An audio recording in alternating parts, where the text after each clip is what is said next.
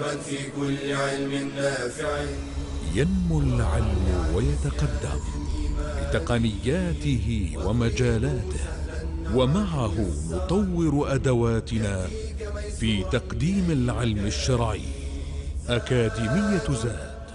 زاد أكاديمية ينبوعها. صاف صاف ليروي غلة الظمآن. والسيرة العلياء عطرة الشدى. طيب يفوح لأهل كل زمان. بشرى لنا زاد أكاديمية للعلم كالأزهار في البستان. إن الحمد لله نحمده ونستعينه ونستغفره ونستهديه ونعوذ بالله من شرور أنفسنا وسيئات أعمالنا. من يهده الله فلا مضل له ومن يضلل فلا هادي له وأشهد أن لا إله إلا الله وحده لا شريك له وأشهد أن نبينا محمدا عبده ورسوله صلى الله عليه وعلى آله وأصحابه وإخوانه ومن دعا بدعوته واستنى بسنته واهتدى بهديه إلى يوم الدين وبعد. أرحب بإخواني وأخواتي من طلاب وطالبات العلم في برنامج أكاديمية زاد في هذه الدورة الثانية ومع مقرر السيرة النبوية الشريفة المباركة على صاحبها أفضل الصلاة وأتم التسليم. في هذا المستوى الثاني أيضا وهو ما يتعلق بدراسة الشمائل المحمدية على صاحبها أفضل الصلاة وأتم التسليم. أحب أن أكرر ما نقرره دائما من أن دراستنا للشمائل المحمدية نقصد بها دراسة ما يتعلق بخلقته وصورته الظاهرة صلى الله عليه وآله وسلم وكذلك ما يتعلق بصورته الباطنة من أخلاقه وسجاياه وخلاله صلى الله عليه وسلم وأيضا ما يتعلق بهديه وأخلاقه الراتبة صلى الله عليه وآله وسلم. كنا قد توقفنا في الحلقة الماضية أو اللقاء الماضي عند ما يتعلق بأكله صلى الله عليه وآله وسلم. ونأخذ اليوم بإذن الله عز وجل ما يتعلق بإدام رسول الله صلى الله عليه وآله وسلم.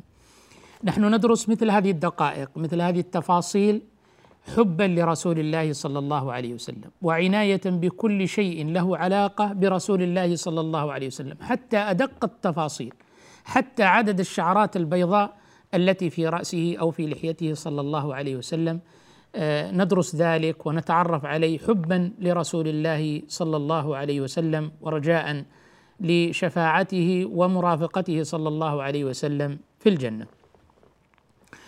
الإدام هو كل ما يؤكل مع الخبز كل ما يؤكل مع الخبز وذلك لكي يطيبه ويجعله ملائما للإنسان وسائغا فإن الإنسان بدل أن يأكل الخبز هكذا يابسا أو ناشفا أو لوحده أن يأكله مع ايدام يحسنه ويطيبه ويجعله للإنسان ملائما. فنحن نتعرف اليوم وفي هذا اللقاء على ماذا كان إدام رسول الله صلى الله عليه وعلى آله وسلم.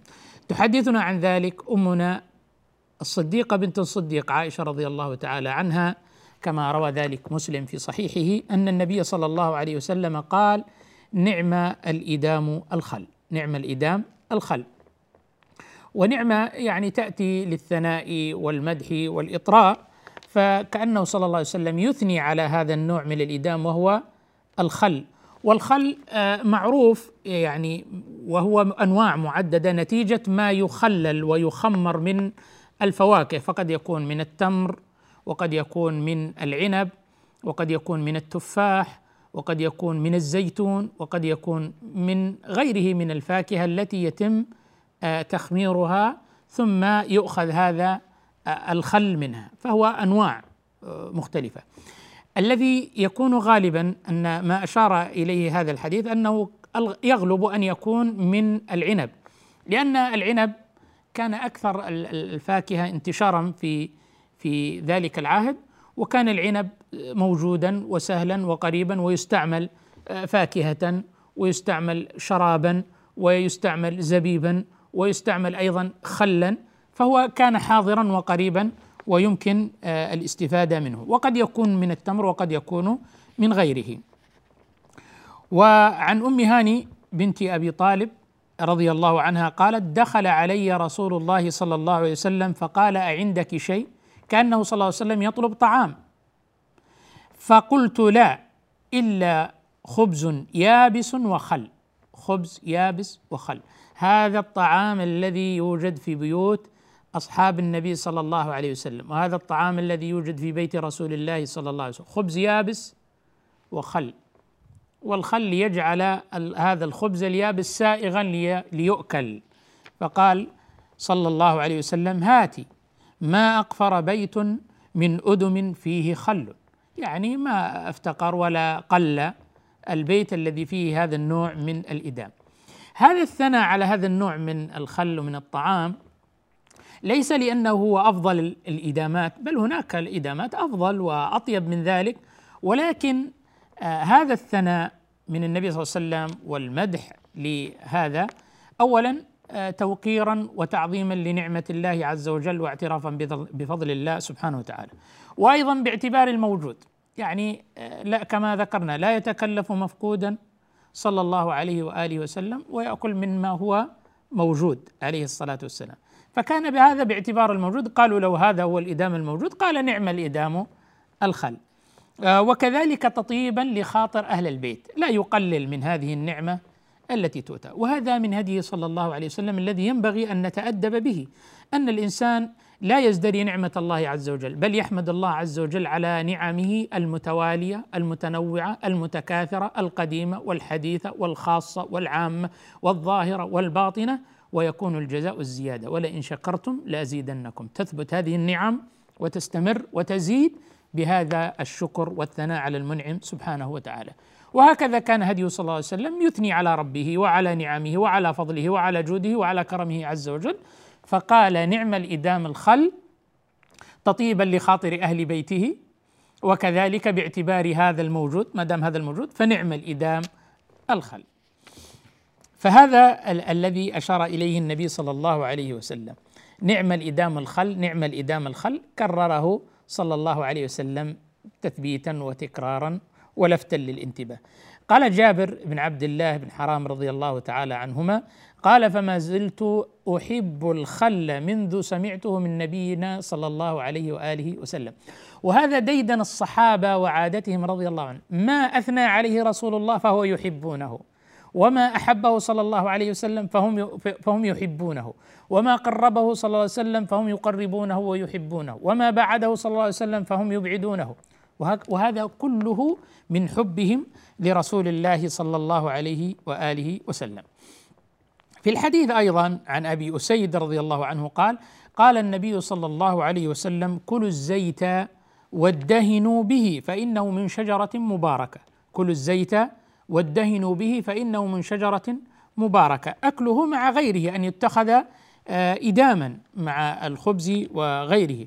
والدهن به دهن شعر الرأس ودهن البشرة فيدهن به الشعر والبشر كما أخبر ذلك بذلك صلى الله عليه وسلم. وأنه من شجرة مباركة شجر الزيتون. هذا الزيت المقصود به زيت الزيتون الذي هو من شجرة مباركة نفعها كثير. وقال ابن القيم رحمه الله في الزاد والدهن والدهن في البلاد الحارة كالحجاز ونحوه من آكد أسباب حفظ الصحة وإصلاح البدن وهو كالضروري لهم. إذا دهن شعر الرأس ودهن البشرة وتناول هذا الدهن من النوع هذا النوع من الدهن هو يذكر ابن القيم أنه من أطيب ما يكون لحفظ الصحة وخاصة في البلاد الحارة كبلاد الحجاز التي كان فيها آه، مكة والمدينة. وعن أنس بن مالك رضي الله عنه قال أن خياطا دعا رسول الله صلى الله عليه وسلم لطعام صنعه. قال أنس فذهبت مع رسول الله صلى الله عليه وسلم إلى ذلك الطعام فقرب إلى رسول الله صلى الله عليه وسلم خبزا من شعير ومرق فيه دباء وقديد. كيف كان يفعل النبي صلى الله عليه وسلم؟ هذا ما سنعرفه بعد الفاصل بإذن الله تعالى. بشرى لنا زاد أكاديمية للعلم كالأزهار في البستان.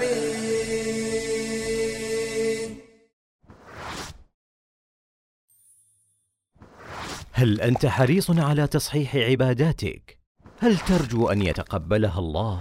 اطلب العلم إذ لا تصح العبادة إلا به. قال تعالى فاعلم أنه لا إله إلا الله واستغفر لذنبك وللمؤمنين والمؤمنات. وشرط قبول طلب العلم الإخلاص فيه بالا تريد به إلا وجه الله. قال تعالى قل إني أمرت أن أعبد الله مخلصا له الدين. وبالإخلاص ترزق صحة الفهم وقوة الاستنباط.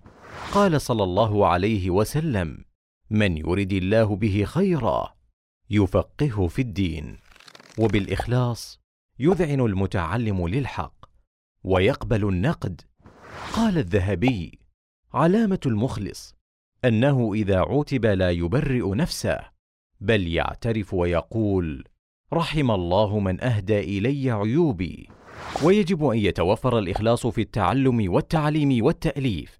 قال أبو داود الطيالسي ينبغي للعالم إذا حرر كتابه أن يكون قصده بذلك نصرة الدين لا مدحه بين الأقران لحسن التأليف.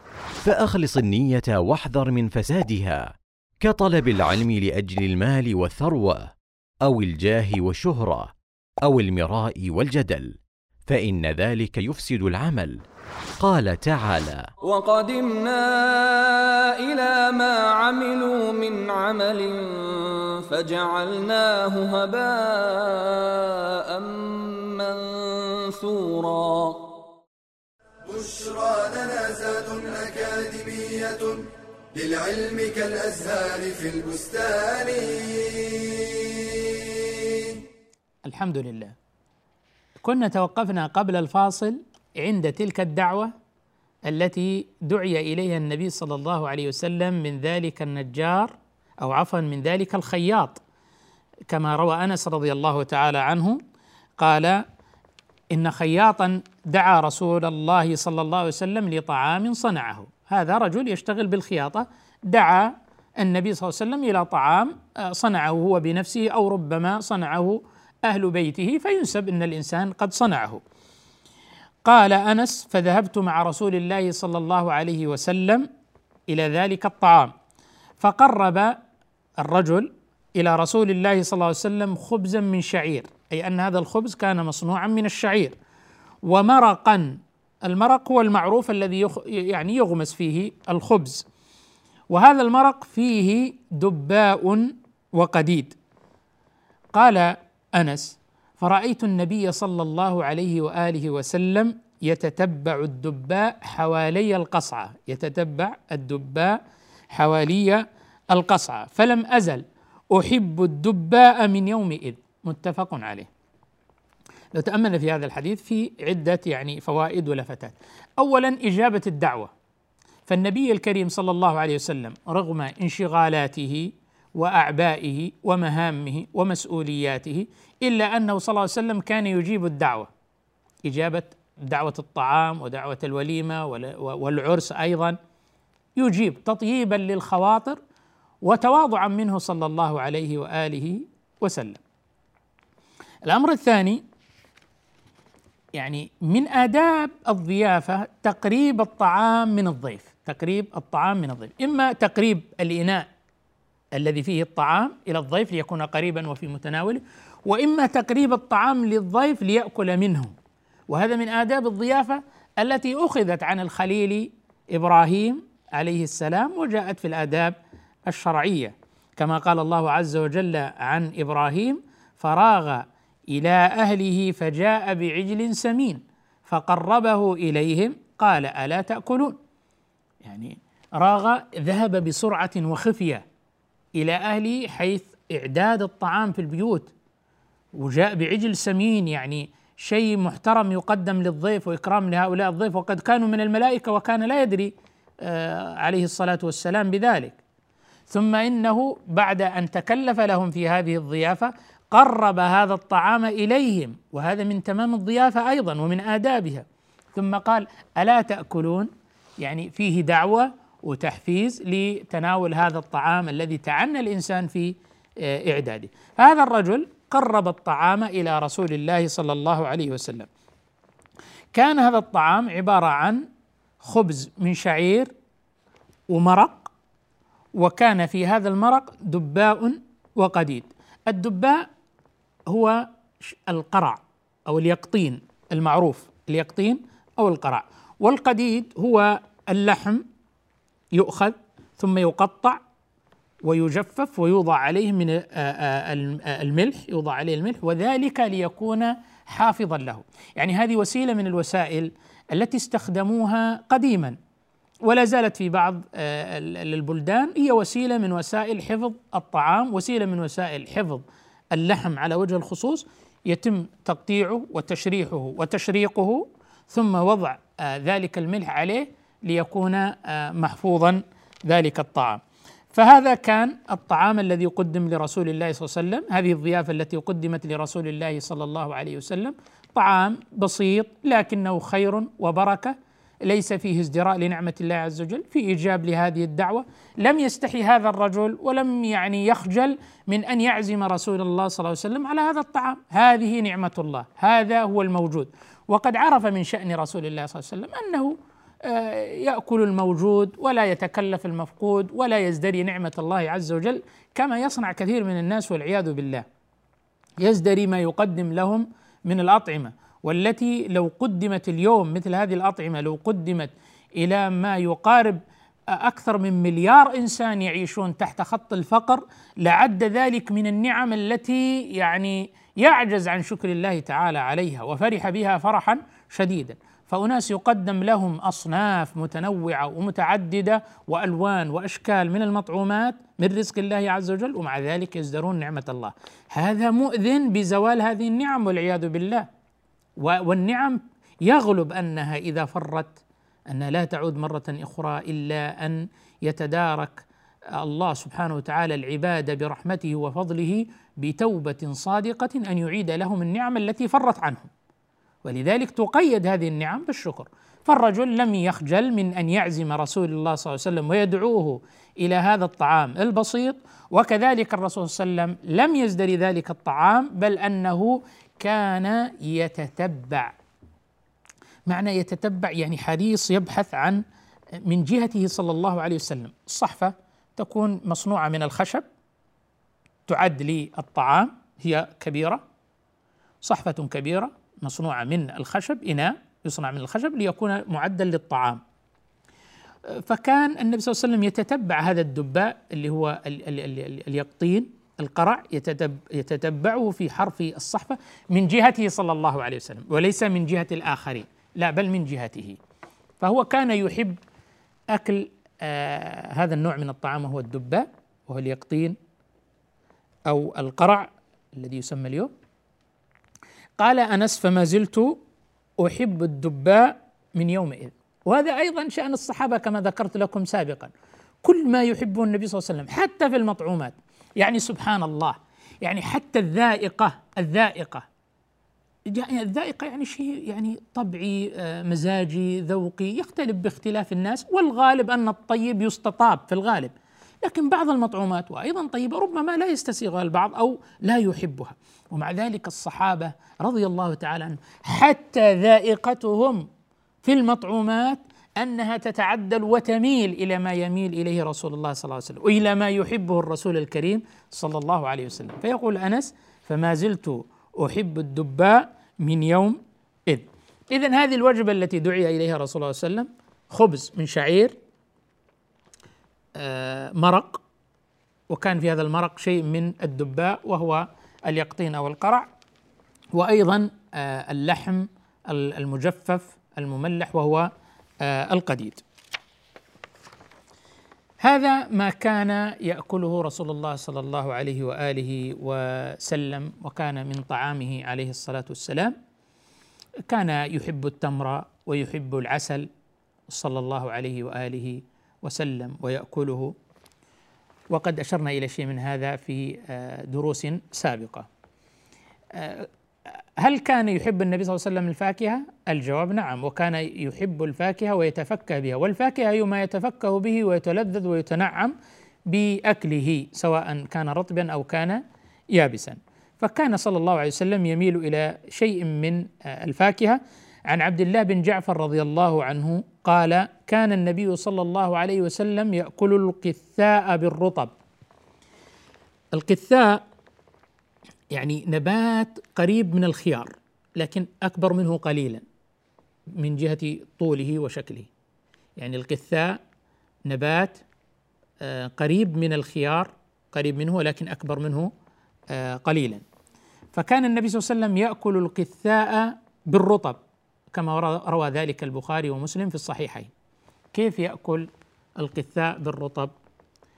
القثاء فيه برودة. قثاء فيه برودة. ليس برودة في ملمسه لا برودة من جهة الطعم. فهو إذا نزل في الحلق أو في البطن يكون باردا على البطن. والرطب فيه حرارة. حرارة ليست من جهة الملمس لا المقصود بحرارة حرارة الطعم. فيه لذعة فيه حرارة على البطن. فكان يأكل القثاء بالرطب أي يأكلهما معا. يأكلهما صلى الله عليه وسلم مع بعضهما في وقت واحد. وعن عائشة رضي الله عنها أن النبي صلى الله عليه وسلم كان يأكل البطيخ بالرطب. البطيخ معروف والرطب معروف فكان يأكلهما معا. البطيخ فيه برودة والرطب فيه حرارة. وكان صلى الله عليه وسلم يقول يعني نكسر حر هذا ببرد هذا. ونكسر برد هذا بحر هذا. وهذا من يعني الحكمة فيما يتعلق بتناولهما معا. وهذا شيء من يعني الفقه النبوي والطب النبوي فيما يتعلق بالمطعومات والمشروبات وما فيها صحة للبدن ونفع واستقامة لصحته وحفظا لهذه الصحة وقوة للبدن. فكان يأكل القثاء بالرطب ويأكل البطيخ بالرطب لأن هذا فيه حرارة وهذا فيه برودة فيكسر حر هذا ببرد هذا وبرد هذا بحر هذا فيكون هناك الاعتدال الاعتدال الذي هو نهج النبي صلى الله عليه وسلم حتى في أكله وطعامه وشرابه. فاصل ونواصل. بشرى لنا زاد أكاديمية للعلم كالأزهار في البستان.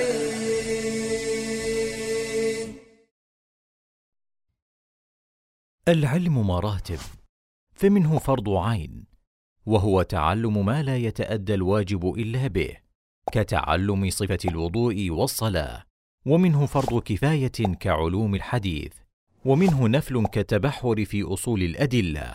فلا بد من التدرج فيه خطوة خطوة فإن من رام أخذه جملة ذهب عنه جملة ولكن الشيء بعد الشيء مع الليالي والأيام.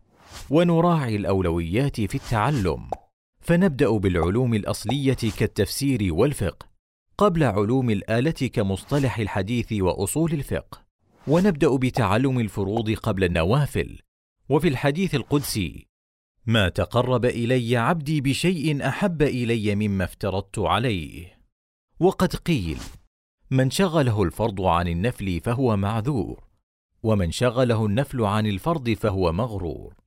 ونبدأ بالأسهل قبل الأصعب وبالمختصرات قبل المطولات. قال تعالى كونوا ربانيين والرباني الذي يربي الناس بصغار العلم قبل كباره. ونبدأ بتعلم ما يترتب عليه ثمرة قبل المسائل النظرية البحتة. ونبدأ بالتعلم قبل التصدر للتعليم. فإن فاقد الشيء لا يعطيه. ونهتم بالفهم والتدبر. ولا نقتصر على الحفظ والتلقين. فتدرج في طلب العلم حتى تكون من الراسخين. قال صلى الله عليه وسلم من يرد الله به خيرا يفقهه في الدين.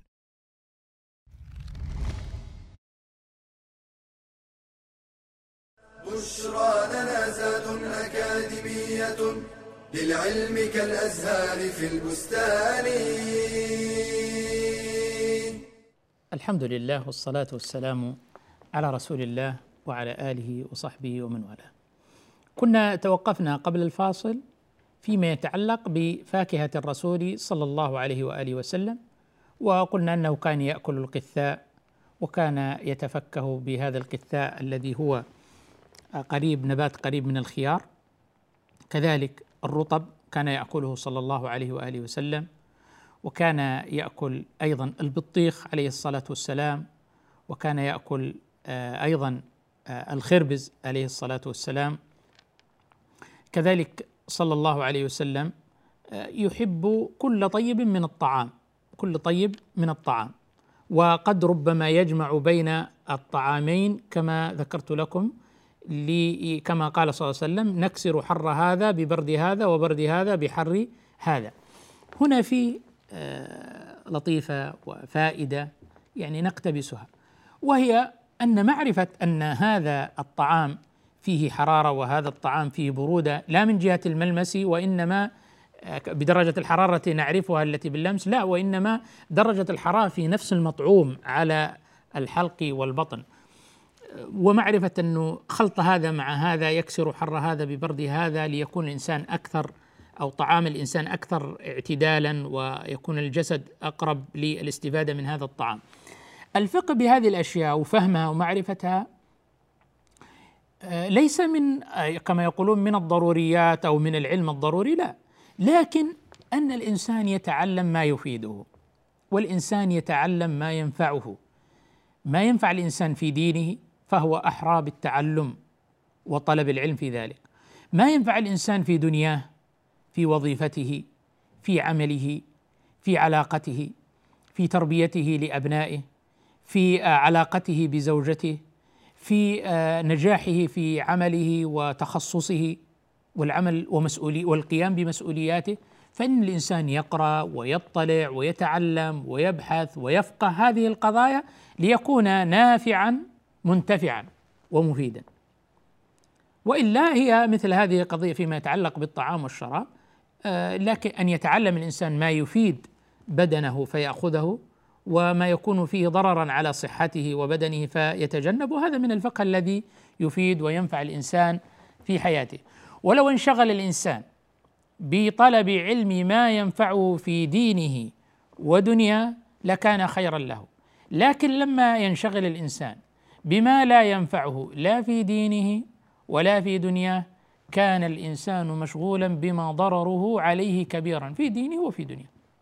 وهذا معروف أن النفس إذا لم تشغل بالخير والطاعة فإنها تشغل بالضار والمعصية. حتى أحيانا قد ربما ما يكون معصية وإنما يكون ضياعا على الإنسان. يبقى آه، وقته سبهلله أضاع وقته وأضاع عمره وحرق زمانه فيما لا يعود عليه بالنفع. فالإنسان مطلوب منه أن يكون متوازنا ويعطي كل ذي حق حقه من جهة أن ينشغل بما علمه ينفعه في دينه أو في دنياه. أه نتحدث الآن عما يتعلق بشراب رسول الله صلى الله عليه وسلم. من جهة ما هو المشروب الذي كان يشربه رسول الله؟ من هو المشروب الذي كان يحبه رسول الله صلى الله عليه وسلم يقدمه؟ آه، تحكي ذلك عائشة أم المؤمنين رضي الله تعالى عنها تقول كان أحب الشراب إلى رسول الله صلى الله عليه وسلم الحلو البارد. الحلو البارد. كان أحب الشراب. معناه هناك كان هناك مشروبات هي حبيبة إليه صلى الله عليه وسلم لكن كان أحب شيء إليه فيما يتعلق بالشراب الحلو البارد. الحلو البارد. الشراب الحلو مثل العسل الحلو البارد الماء الذي يمزج بشيء حلو كالعسل مثلا يحلى له بشيء من العسل فيصبح الماء حلوا. فإذا كان حلو بارد يعني يست... وكان صلى الله عليه وسلم يستعذب له الماء يطلب له الماء العذب الزلال البارد عليه الصلاة والسلام. نعم لم يكن لديهم آه، مثلجات ومبردات كما هو لدينا في هذا العصر الحديث وهي من نعم الله تعالى على العبد أن يشرب الماء البارد الذي هو من النعيم. كما أخبر لتسألن يومئذ عن النعيم. قال بعض أهل التفسير أنه الماء البارد. الماء البارد من النعيم الذي يسأل عنه العبد يوم القيامة. فكان النبي صلى الله عليه وسلم يحب بل كان أحب الشراب إليه. الحلو البارد. ماء بارد ممزوج بشيء من العسل مثلا ليحليه فكان هذا مما يحبه صلى الله عليه وسلم. قال ابن القيم رحمه الله تعالى في زاد المعاد في خير في خير هدي العباد وأما الشراب إذا جمع وصفي الحلاوة والبرودة فمن أنفع شيء للبدن. يعني الشراب إذا اجتمع في هذين الوصفين حلو وبارد كان ذلك أنفع شيء للبدن. نافعا للبدن ولصحة البدن. قال ومن أكبر أسباب حفظ الصحة. ابن القيم رحمه الله له عناية بالطب النبوي وله عناية بالطب الذي كان في عصره وهو عالم من علماء الشريعة. إلا أن عنايته كان بما يفيد وينفع الإنسان ومنها العلوم الطبية. كان للعالم هذا ابن القيم رحمه الله وغيره من العلماء عناية بهذا الجانب.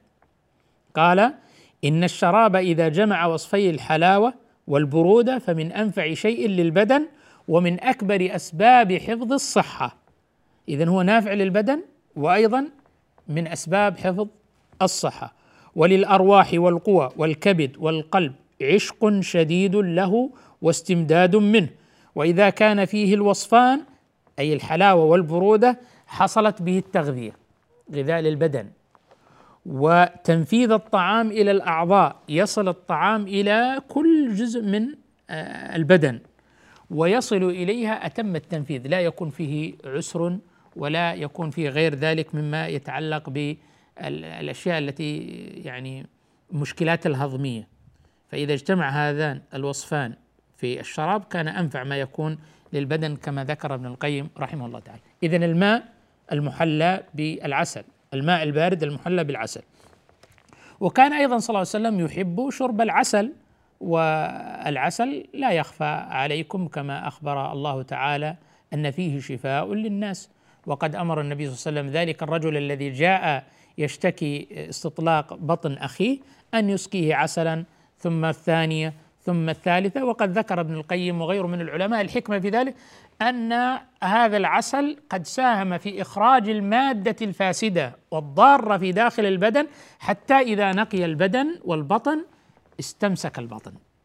فهذه من فوائد شرب هذا العسل. وكان صلى الله عليه وسلم يتروى من ماء زمزم ويتضلع ويشرب كثيرا لأنه كما أخبر عليه الصلاة والسلام ماء زمزم لما شرب له. وأيضا عليه الصلاة والسلام كان يحب آه، أن يشرب نقيع التمر. الماء يؤتى بالماء ثم ينقع فيه تمر من التمر الجيد. هذا التمر يتحلل شيء منه في الماء فيصبح هذا الماء محلا بهذا التمر. يعطي طعما طيبا للماء بالحلاوة التي أشرنا إليها سابقا. والأمر الثاني أن هذا التمر فيه نفع للبدن. فهذا أيضا من الشراب المفيد للإنسان نقيع التمر آه الذي يكون كما يعني ينبغي أن يكون طازجا وأن يكون آه لا يخمر حتى يؤثر في طعمه وإنما ينتقى تمر طيب ثم يوضع في هذا الماء ينقع ثم يشرب بعد ذلك. هذا مفيد لصحة البدن ولصحة الأبناء ويؤثر أيضا في جودة الجهاز آه، الهضمي للإنسان وكذلك في صحته وقوته والتمر كما يقول الأطباء يعني صيدلية آه، متكاملة للإنسان فيه ما يحتاج إليه من الغذاء آه، والمواد النافعة للبدن. هذا ما أحببنا أن نشير إليه في هذا اللقاء حول إدام رسول الله صلى الله عليه وسلم وكذلك حول فاكهة رسول الله صلى الله عليه وسلم وما يتعلق بشراب رسول الله صلى الله عليه وآله وسلم. تلك العلوم دروسها ميسورة في صرح علم الراسخ الأركان. بشرى لنا بشرى لنا بشرى لنا زاد أكاديمية للعلم كالأزهار في البستان.